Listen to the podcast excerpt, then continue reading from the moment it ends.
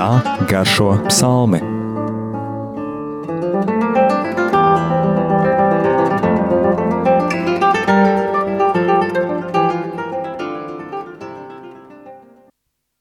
Slavēts Jēzus Kristus. Mūžīgi mūžos slavēts. Studijā Stela Un Anģela. kā mūsu redzējuma cikls lēnām tuvojas noslēgumam. Un šodien ir šajā ciklā priekšpēdējais raidījums. Un ir izvēlēts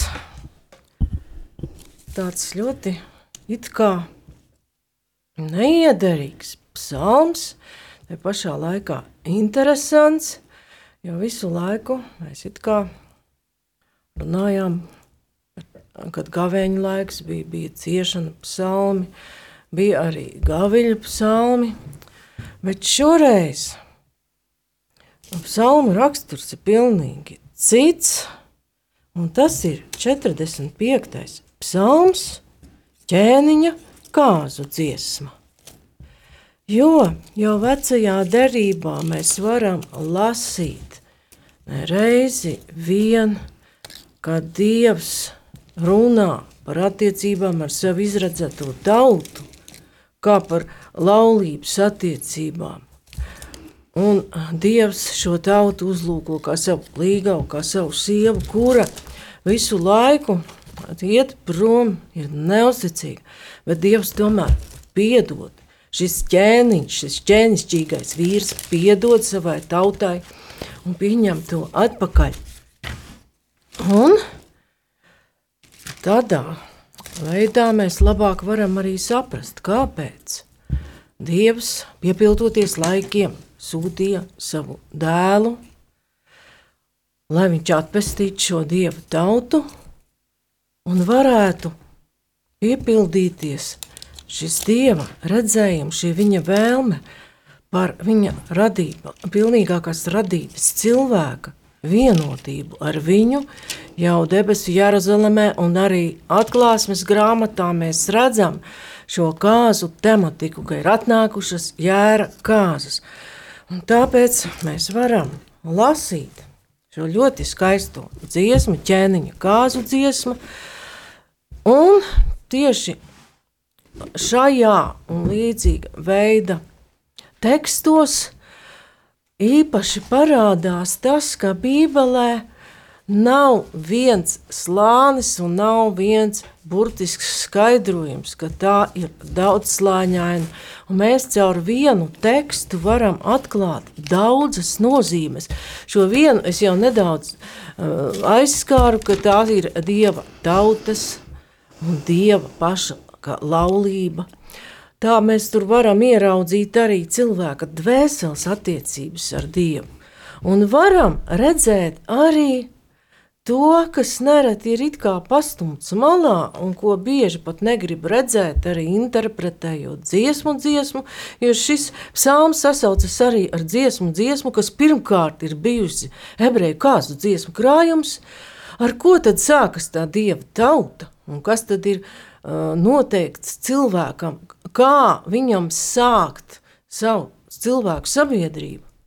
Cilvēku laulība, vīrieši un sievietes. Laulība, kas sākas ar šo brīnišķīgo notikumu, kāzām, vismaz tam tā vajadzētu būt. Un tā mēs varam pievērsties jau 45. psalmam, kas krievu tulkojumā laikam ir 44, ja es pareizi atceros. Un redzam, ka arī autorība ir cita. Un dziedātāji vadonim, atent ar kori, kas arī gāzās labi iedaras, no korahīta dziesmām mīlestības dziesma. Tad latviešu tulkojumā viņi ir šādi pieteikti no korahīta dziesmām mīlestības dziesma.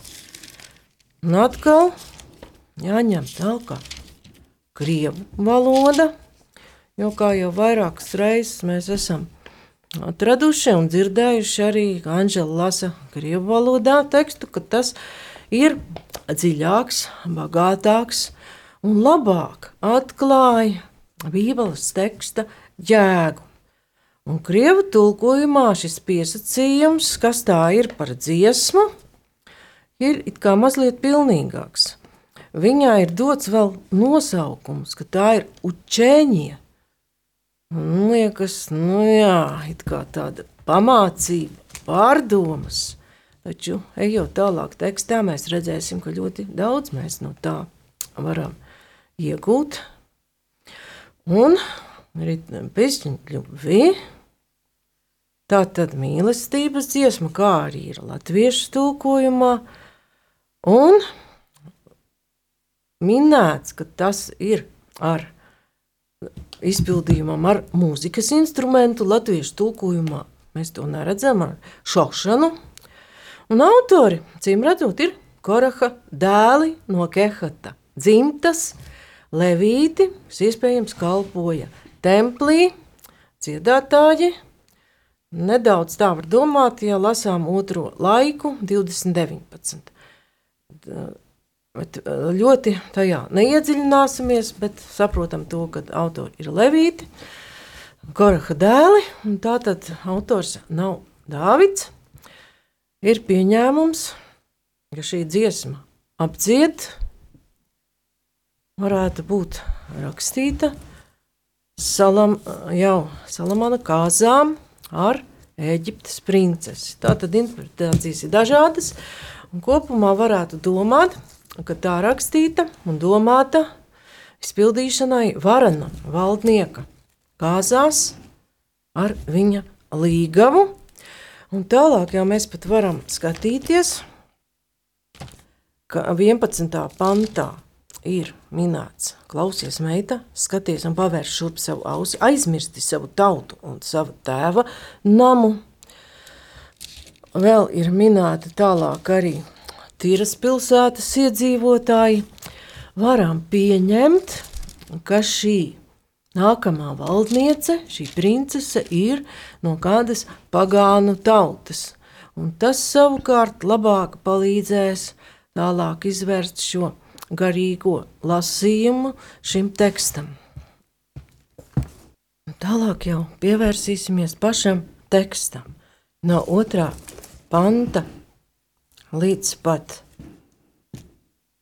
devītajam tiek apdziedāts šis ķēniņš, kura kāzas notiek. Vispirms jau mēs to varam uzlūkot kā tādu mīlestības dziesmu.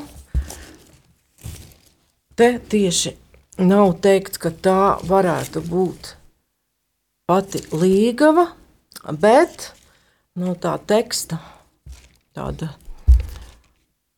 vārdiem, varam pieņemt, ka tas tā ir. Man sirds izplūst, ko šo sādos. Es dziedāšu dziesmu ķēniņam. Mana mute ir kā veikla rakstītāja rakstāmais. Tu esi skaistākais starp cilvēku bērniem, tavas lūpas ir laipnības un mīlības pilnas, Tāpēc Dievs tevi svētīs mūžīgi. Un vispirms mēs varam saprast to, ka šī princese veltīja šos vārdus savam izredzētajam. Ir šis cilvēkiem iemīlēšanās laiks, par kuru no vienas puses saka rožainas brilles, un tas nekam neder. Bet tēvs smēņas saka, в момент влюбленности человек переживает Бога piedzīvo dievu. Un iespējams, ka tieši šajā it kā liekas akluma brīžos, mēs tajā otrā cilvēkā redzam to ideālu, to pilnību, kādu dievs viņu ir gribējis. Bet, kad sākas laulība, tas lēnām aiziet ciet ar tām nepilnībām, kādas mums katram ir. Tāpēc es arī jā. gribēju vēl mhm. mazliet savādāk ieskatīties šajā lasījumā, jā, psalmā, un atkārtot to skaistu lasījumu no atkārtotas grā, uh, likuma grāmatas, sestās nodaļas.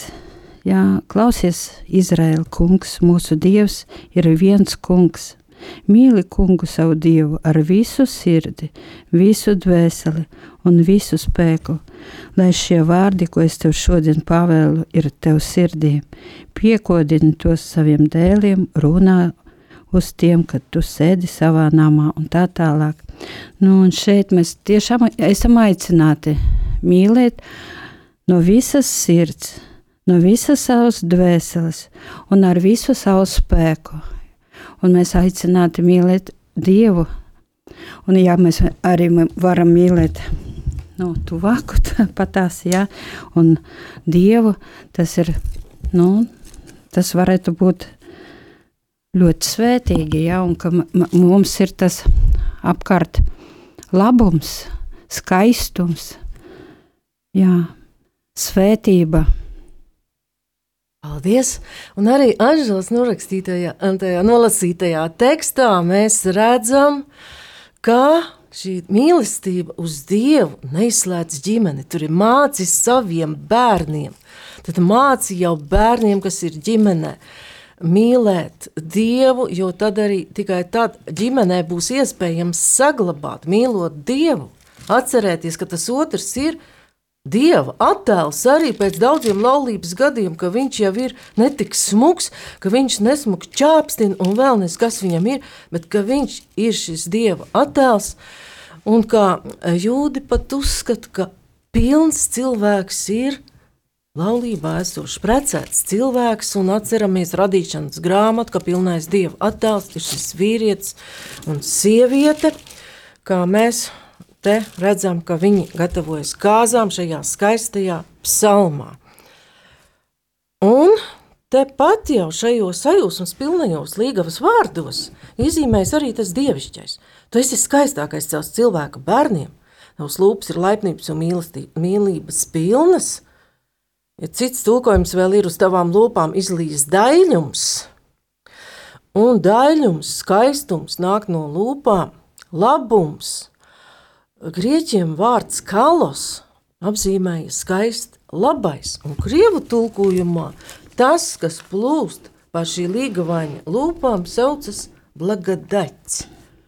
Un tur uzreiz jau mēs varam nolasīt to, kā jau dieva tautas un dieva kā līgavaņa attiecības. Jo var saprast, ka šis ķēniņš, kurš ņem šo līgavu, un kura kāzas notiek, ir īpašs. Viņš ir skaistākais starp cilvēku bērniem. No viņa lūpām plūst šī žēlastība, blagadaļs, un vēl Dievs tevi svētīs mūžīgi. Tātad viņš ir jau saistīts ar mūžīgo dzīvi. Šeit mēs arī varētu izlasīt Pāvila vēstuli kolosiešiem, pirmajā nodaļā 13. pats iesākot. Mēs pateicamies Tēvam, kas mūs izrāva no tumsas varas un ievada savā mīļotā dēla valstībā.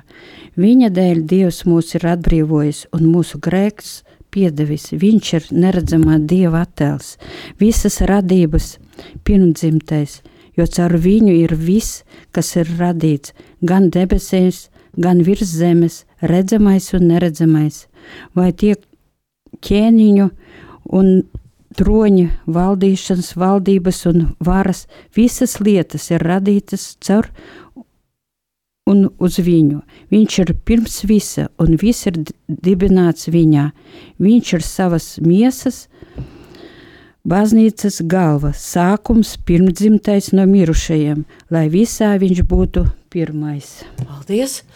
Un caur šo fragment jau mēs varam redzēt šo lasījumu, šo psalmu, jaunās derības gaismā, kad ar šiem līgavas un līgavaņu tēliem, šīs ķēniņa kāzām, tiek saprastas Kristus un viņa baznīcas attiecības.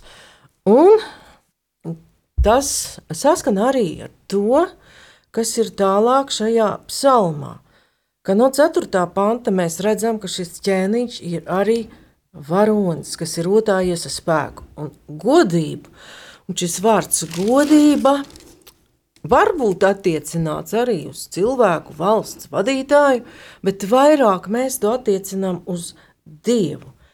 Un apjos zobenam gurniem dodies cīņā uzvaras apziņas pilns, tad laimīgs būs tavs gājiens. Un piektā panta otrā puse psalmā – parāda vēlreiz to, ka šeit ir šī garīgā nozīme, otrā nozīme, ka nav runa tikai par cilvēku laulību un par cilvēku nākamo savienību un cilvēku kāzām. Uzvaras apziņas pilns, laimīgs gājiens un zobēts. Nu, mums tas asociējas ar ko? Ar kārtīgu karu. Bet tur psalma autori, šie koraha, dēli runā, sargājot patiesību, lēnību un taisnību. Tad tas ir karotājs par patiesību, lēnību un taisnību. Tātad tas ir ķēniņš, pa kuru mēs varam teikt, kā Jēzus pats par sevi saka Jāņa evaņģēlijā, un valstība nav no šīs pasaules. Vēl mēs redzam, tavas bultas ir asas, tautas krīt tev pie kājām, tās iespiedīsies ķēniņa ienaidnieku sirdīs. Tavs tronis, kā dieva tronis, pastāv joprojām un mūžīgi un taisnas ir tavas valdības scepteris. Tu mīli taisnību un ienīsti netaisnību, tāpēc tas kungs, tavs dievs, tevi svaidīs ar priekēļu kā nevienu no taviem bērniem. Visas tavas drānas smaržo pēc mirēm un alvejas, ziloņkaulu pilīs tevi iepriecina stīgu skaņas. Un atkal savies šis teksts, kas apjūsmo, varētu būt kādu ķēniņu austrumu krāšņā pilī, bet ļoti skaidri parādās, ka te ir runa par īpašu valdnieku, un jau skatoties no jaunās darības puses, mēs saprotam, ka šeit ir runa Kristu, kā Anģela teica, baznīcas galvu, un pa Kristu un baznīcu, kā laulātajiem un ka cilvēka laulība ir ļoti piesaistīta šim lielajam noslēpumam, runā arī apustulis Pāvils vēstulē Efeziešiem. Un viņš pats saka, ka šis noslēpums ir liels. Viņš raksta. Mēģināsim to atrast. Ja dažādas atzīmes ir saliktas, Pāvila vēstule Efeziešiem.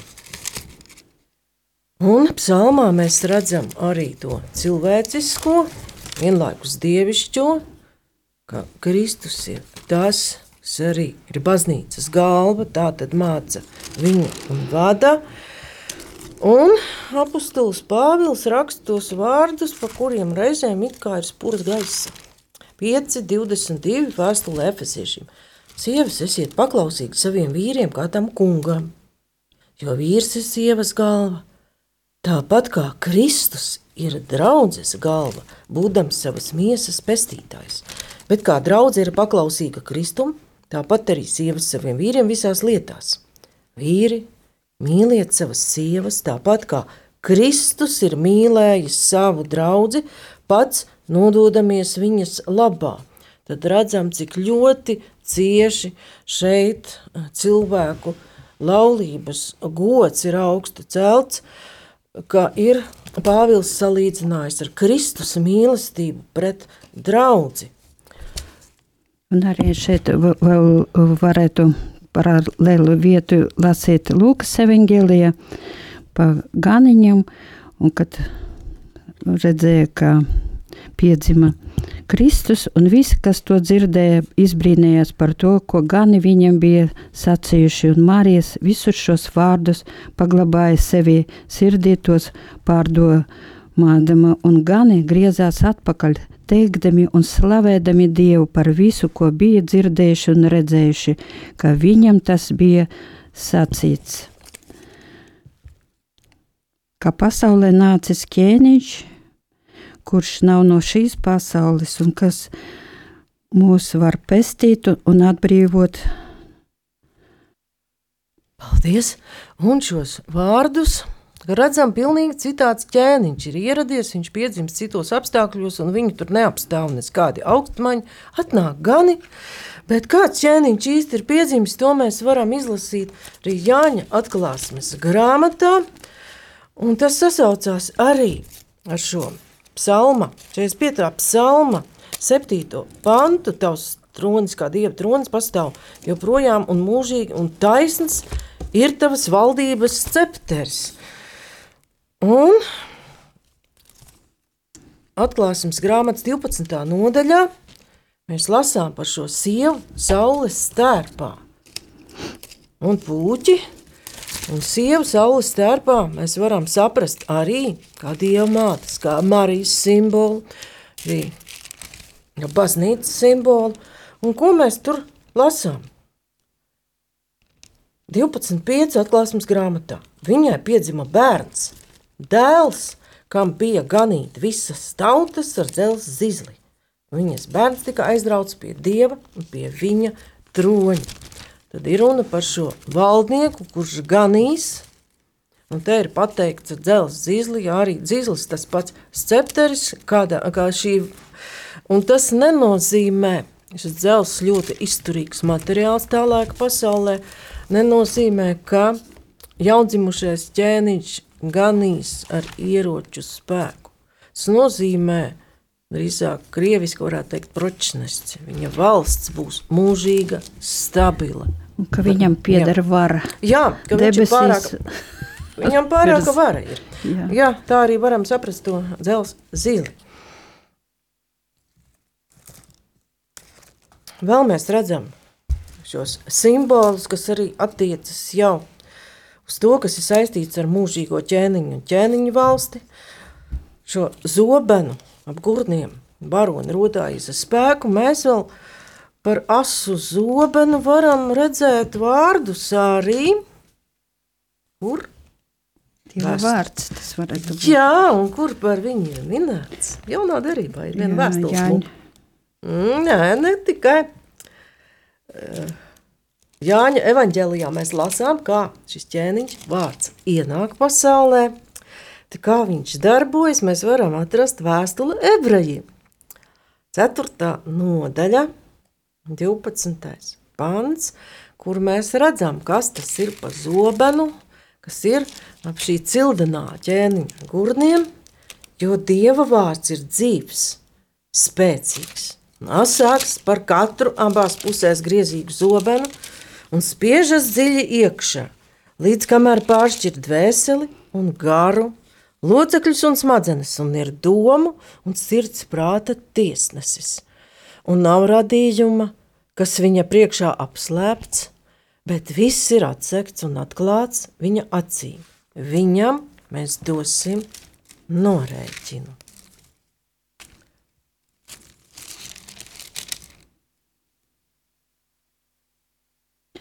Jā, un šeit no Jāņa evangelija varētu lasīt. Mēs visi esam guvuši pirmais nodaļas, mēs visi esam guvuši no viņa pilnības žēlastību un vēl žēlastību. Jo bauslība ir dota caur mūzu, bet žēlastība un patiesība nākusi caur Jēzu Kristu. Paldies! Tad atkal mēs redzam šo vārdu žēlastība un patiesība. Ka tas, kas nāk no šī ķēniņa lūpām, mums iznāk vēl pievērsties tam, kādi vārdi nāk no šī ķēniņa lūpām, un par to runā arī evanģēlists Lūkas, kad cilvēki brīnās, abrīno šo Jēzus runu. Un tur mēs varam izlasīt Lūkas evanģēlīju, 4. nodaļa, un 22. pants, ka par viņa lūpām nāk žēlastības vārdi. Lūkas evanģēlīts 4, 22. Un visi viņam piebalsoja un brīnījās par žēlastības vārdiem, kas nāca par viņa lūpām un sacīja, vai šis nav Jāzepa dēls? Tad te atkal cilvēki reiz neatpazina, ka Jēzus ir šis dieva dēls, iemiesotais vārds, un brīnījās par to īpašo žēlastību. Viņa sajūta to īpašo, kas ir kunga vārdos, bet īsti nevarēja saprast, kas viņš ir un kāpēc viņš tā runā. Šeit mēs varētu arī izlasīt Jāņa Evangelijā, pirmo nodaļu, un vārds tapa miesa un mājoja mūsu vidū, un mēs skatījām viņa godību, tādu godību, kā teva vienpiedzimušajam dēlam, pilnu žēlastības un patiesības. Paldies! Un Jāņa Evangelijas vēl precīzāk pat raksturo šo vārdu, ja mēs Lūkas evaņģēlijā redzam aprakstu par tiem vārdiem, kādi nāk no Jēzus mutes, tātad tie izplūst arī no viņas sirds, un te mēs atkal atgriežamies pa vārdiem, kas nāk ārā. To, ko Jēzus saka Mateja evaņģēlijā, ka viss izplūst no sirds, Un tur gan tie viņa vārdi ir stipri skarbāki, par ko viņš runā. Bet Lūks evanģēlijas parāda, kāda ir Jēzus sirds, no tās nāk žēlastība, un Jāņa evanģēlijas raksturo pašu runātāju, ka viņš pats ir šis iemiesotais vārds.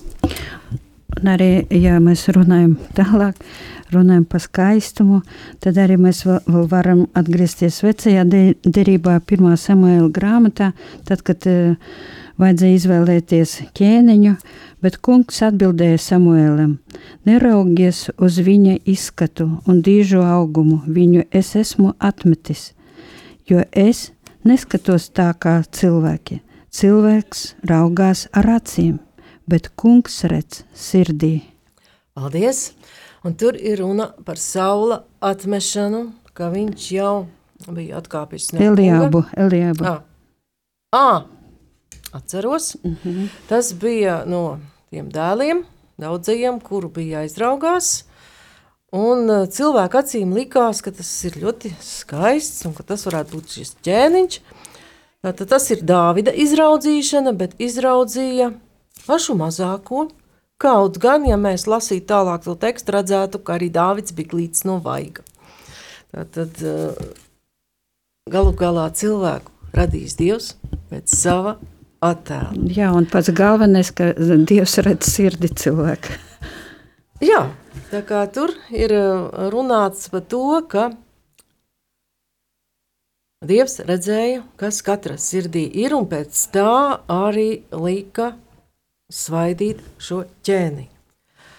Un psalmā, ja mēs ejam tālāk, jau no, 9, no 10. panta, psalma autori pievēršas līgavai, taviem graznojumiem rotāts ķēniņa meitas staigā tavā pagalmā, tava jaunā līgava stāv tev pa labi ofīras zelta rotā, tad zelts no Arābijas, ļoti labas kvalitātes zelts, kuru veda arī Salamanam. Un, atcerēsimies, ka pat tas briesmīgais skaitlis 666 apzīmēja Salamana ienākumus 666 talenti zelta gadā. Un par to ofīras zeltu mēs jau ļoti atļautu laiks varētu lasīt pirmā ķēniņa grāmatā 9, 28. Tātad tas liecina par krāšņumu un bagātību, kādā jaunā līgava ir tērpusies. Un jau minēja 11. pantu, skaties un pavērš šurp savu ausi.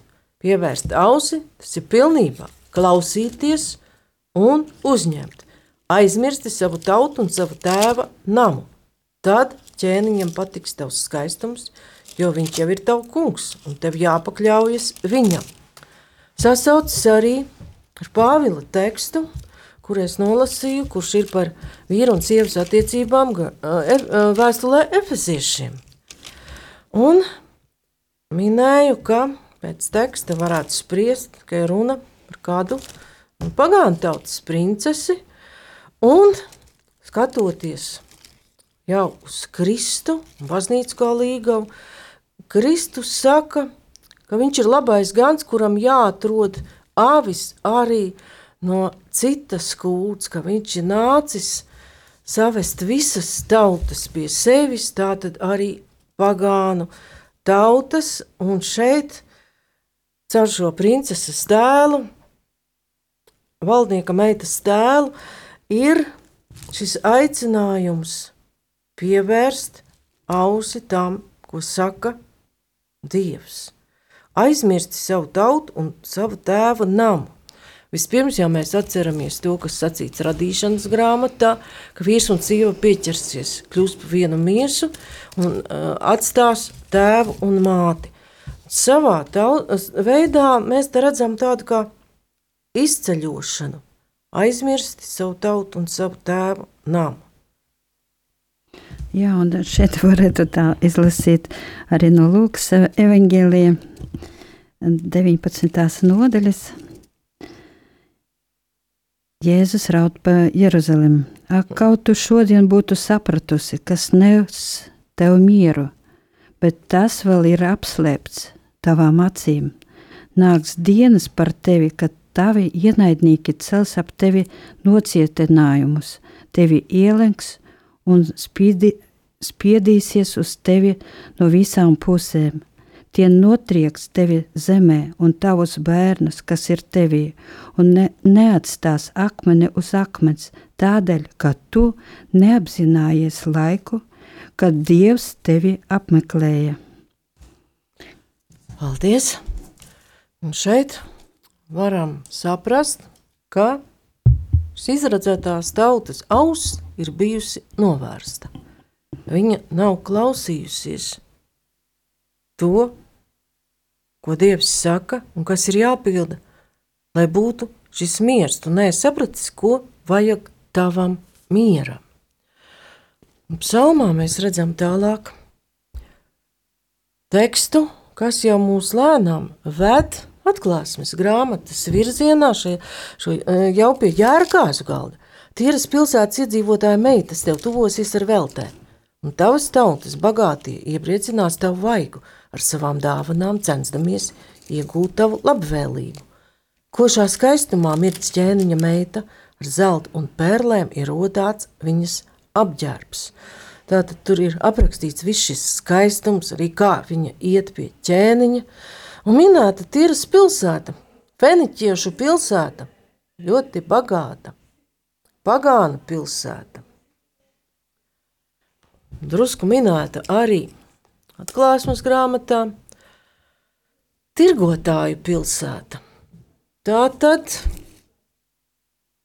pagānu pilsētas iedzīvotāji nāks pie šīs ķēniņienes ar savām veltēm. Un tad mēs jau redzam atklāsmes grāmatu, kur ir runāts par ķēra kāzām vispirms 19. nodaļa un 7. pants tālāk. Priecāsimies, gavilēsim un dosim viņam godu, jo atnākušas jēra kāzas un viņa līgava sataisījusies. Tai dots tērpties spožā tīrā audeklā, proti audekls ir svēto taisnības darbi. Un viņš man saka, raksti. Svētīgi ir tie, kas aicināti jēra kāzu mīlestībā. Bet šeit ir runa tieši par jēra kāzām, bet 21. nodaļā atklāsmes grāmatā mēs lasām lūko. Tad atnāca no 9. panta. Tad atnāca viens no septiņiem eņģeļiem, kuriem bija septiņi kauts pildīti ar septiņām pēdējām mocībām, runāja ar mani un sacīja: Nāc, es tev rādīšu līgavu, jēra sievu. Tad šeit jau ir jaunās derības beigās pilnīgi piepildīti šie vārdi, par kuriem runā psalmists. Ir pilnīgi parādīts, kas īsti notiek. Un rādīja man svēto pilsētu Jeruzalemi, nokāpjam no debesīm, dieviš, no debesīm no Dieva Tā bija dievišķā godībā, tas spožums bija kā visdārgākā akmens spožums, kā kristāla dzides jāspits. Un arī mēs vēl, varētu lasīt Pētera pirmajā vēstulē, par skaistumu,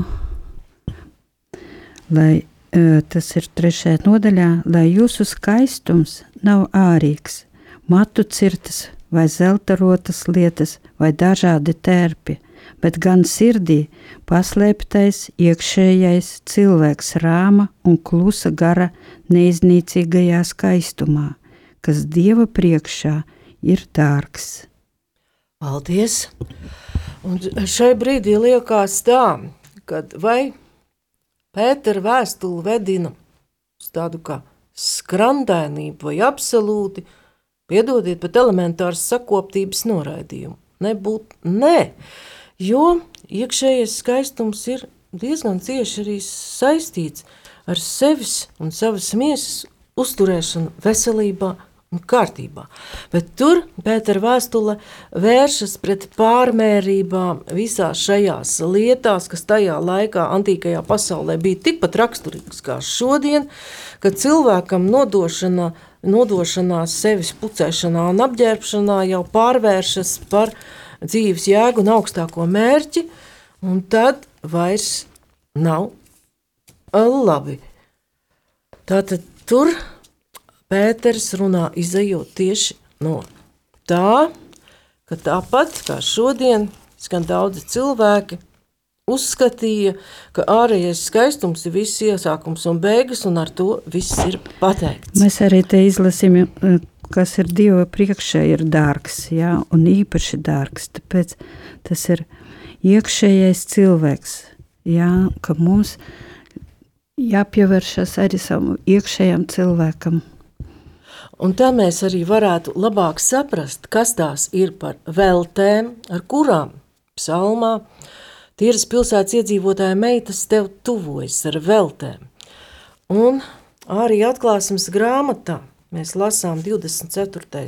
pants, 21. nodaļā, ka tautas staigās viņas gaismā, un visas zemes ķēniņa nesīs turp savu graznumu. Viņas vārdus dienā nekad neaizteiks, jo nakts tur nav. Viņā sanesīs tautu greznumus un dārgumus. Tātad mēs ar šiem greznumiem un dārgumiem varam saprast tieši to, par ko runāja Anžela, lasot izvēlētos tekstus no jaunās derības. Jo 27. pāns atklāsmes grāmatā 21. nodaļā jau pasaka, ka nemūžām tur nekas neieies, kas nesvēts, un neviens, kas dara negantību un melo, bet vienīgi tie, kas rakstīti jēra dzīvības grāmatā. Tā tad varam to saprast, ka tie ir šie sirds dārgumi. Un tādā veidā mēs varam arī saprast labāk šo psalmu. Jo tauta kas kalpo Dievam un grib būt viņa pakļautībā un pievērst viņam savu ausi, sākas ar šo pašu mazāko, ar ģimeni, un arī ģimene var pastāvēt mīlestībā un turēties kopā, ja viņiem ir no kunga saņemta šīs dāvanas, par kurām runāja Anģelis, šīs sirds vienkāršība, mīlestība, pret otru. Un tādā veidā piepildīsies šis 18. pants, kurš ir noslēdzošais psalmā. Es gribu radīt piemiņu tavam vārdam uz augu audzēm, un tautas teiks tavu slavu vienmēr un mūžīgi. Nu, varam tagad jau saprast, ka vienmēr un mūžīgi tās kunga slavu teiks šajā debesu Jeruzalemē. Paldies par uzmanību! Studijā bija Stela un Anģela.